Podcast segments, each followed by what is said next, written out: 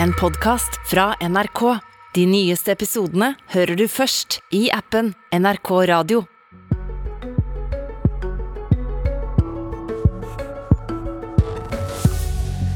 Statsminister Mette Fredriksen sier hun vil ha en rød-blå regjering i Danmark. Svært få tror at hun egentlig mener det. En helt uaktuell idé i Norge, mener Arbeiderpartiet.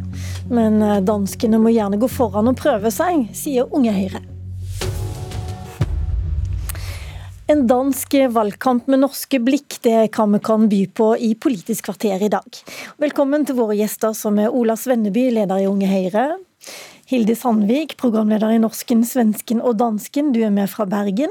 God morgen. God morgen, og til deg, Kjersti Stenseng, partisekretær i Arbeiderpartiet, og snart på vei til Danmark, der du skal følge valginnspurten uh, før valget i morgen. Det mest uh, uforutsigbare valget i en menneskealder, uh, skriver danske Børsen i dag. hvordan tror du det går? Altså, dagen før valget så er det jo litt sånn tro kombinert med å håpe. Et hvis jeg skal tippe noe i dag som er veldig vanskelig, eh, så eh, tipper jo fortsatt på Mette Fredriksen som statsminister eh, og sosialdemokrati i regjering. Men, og kombinert med at jeg håper da at rød blokk blir store nok, da. Men det gjenstår jo å se. Men jeg tror fortsatt Mette Fredriksen vil være statsminister etter dette valget. Hun gjorde det kanskje litt enklere for seg i starten, eh, da hun lyste ut nyvalg nå i starten av oktober. Da sa hun at Sosialdemokratene denne gang ønska en regjering i midten, med partier fra både den røde og den blå blokken. La oss høre. Med den motgangen verden står overfor, kriser der griper hinanden, så er tiden kommet til å avprøve en ny regjeringsform i Danmark. Et mer forpliktende politisk samarbeid. Det vil vi gerne stille oss i spidsen for. En bred regering med partier fra begge sider af den politiske midte. Og siden har Fredriksen gjentatt eh, at hun ønsker dette her, men eh, det er ikke så mange som tror på henne. Hva tror du, Kjersti Stenseng? Eh, tror du en slik allianse kan bli aktuell? Ja, det er i hvert fall for tidlig å å legge den helt død nå. Jeg tror nok at når Mette sa det, så så vi jo Det er jo veldig fragmentert i Danmark nå. Det er mange partier, det er mange små partier. Det er en sperregrense på 20 eh, Og ja, det kan kanskje være komplisert å se et stabilt styringsflertall. Så jeg tror nok det at i ei tid der eh, Mette Fredriksen har vært veldig tydelig på at Danmark trenger stabilitet, styring så eh, ville nok hun òg appellere til velgerne at stemmer du på meg, så er jeg åpen for å gjøre det som kanskje trengs for å finne det stabile flertallet. Eh, men det gjenstår å se om det blir en realitet. Hilde Sandvik, du er kjent programleder i podkasten Norsken, svensken og dansken. Er det dette danskene vil, tror du?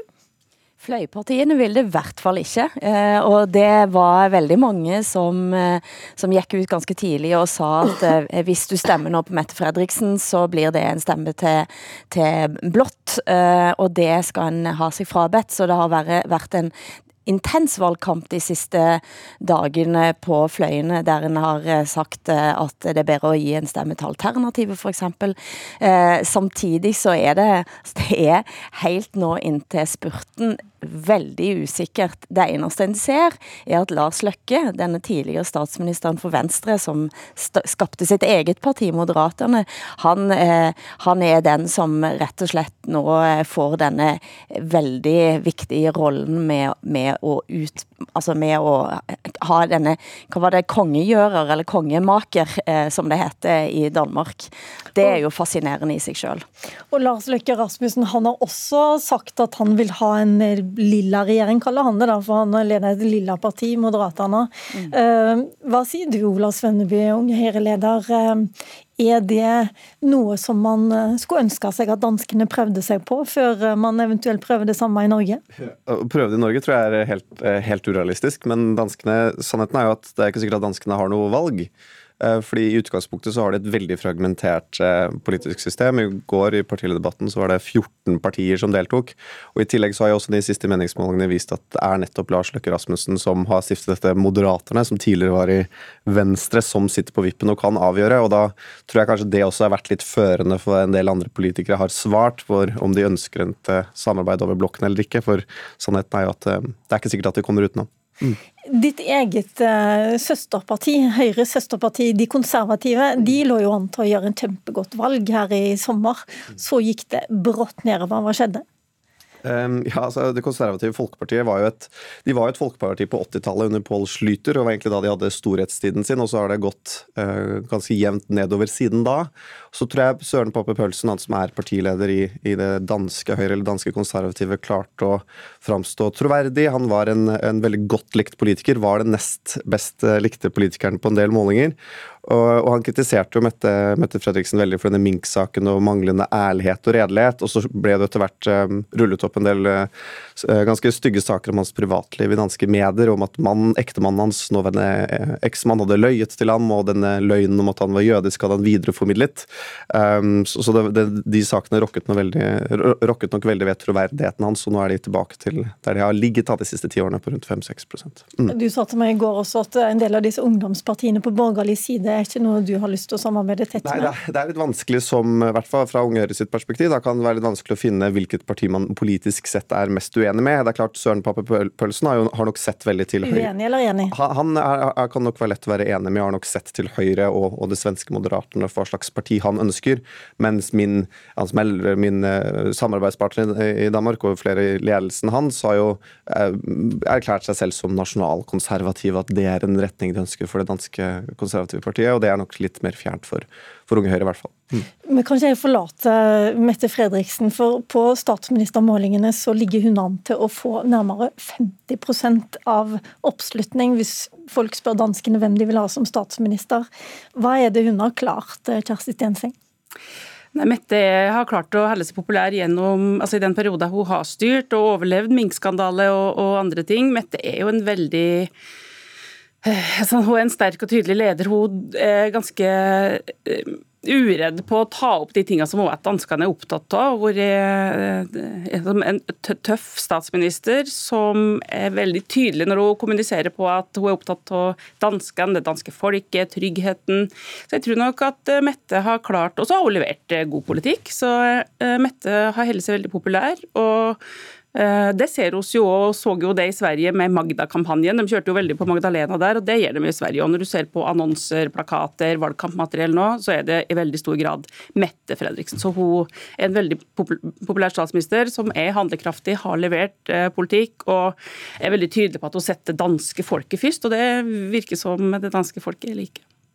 Og hvis du ser eh, på en sammenligning mellom eh, Andersson og i Sverige og danskene Smette Mette Fredriksson og den norske Jonas Gahr Støre, Hilde Sandvik, hvilke forskjeller og likheter ser du? Bortsett fra meningsmålingene, må jeg si. Mette Fredriksen framsto i covid-tiden som commander in chief fra dag én. Det var helt åpenbart, og det er en rolle som hun har tatt hele tiden senere. Hun har en ekstrem kontroll både på måten hun framstår ut i andre offentligheter. Jeg hørte en podd i går som Alltinget har eh, skapt, med intervju med Mandag Morgenavisen eh, sin eh, redaktør, som har gått gjennom alle de avslagene som Mette Fredriksen har gitt til medier. Hun har takka ja kun til eh, intervjuer der hun kan snakke om relativt myke ting. Eh, hun har kontroll ned på hva hun spiser på morgenmaten, som er da makrell i tomat, som nå alle vet. Eh, og jeg så i går et klipp der hun sitter altså med eh, i et intervju på spinningsykkel og får spørs om, spørsmål om hvordan eh, om hun og mannen praktiserer SM. Eh, nå skal ikke jeg forklare lytterne hvorfor det var et spørsmål, men det er et, blitt et politisk spørsmål i Danmark fordi at Lars Finsen, den etterretningssjefen som er arrestert og sitter i fengsel, og som også har spilt en rolle i denne valgkampen, eh, viser seg å ha visstnok eh, praktisert SM. Og den måten SM, hun, altså, sadomasochisme masochistisk sex. Det får, jo, altså det, det får altså Mette Fredriksen spørsmål om mens hun sitter der på spinningsykkel. Eh, og, alle, og selv der så opp så oppfører hun seg som en slags moderlig eh, skikkelse som da bryskt eh, setter denne eh, intervjueren på plass eh, og sier at du skjønner vel òg at uansett hvem som hadde vært statsminister, så ville du aldri fått svar på dette spørsmålet.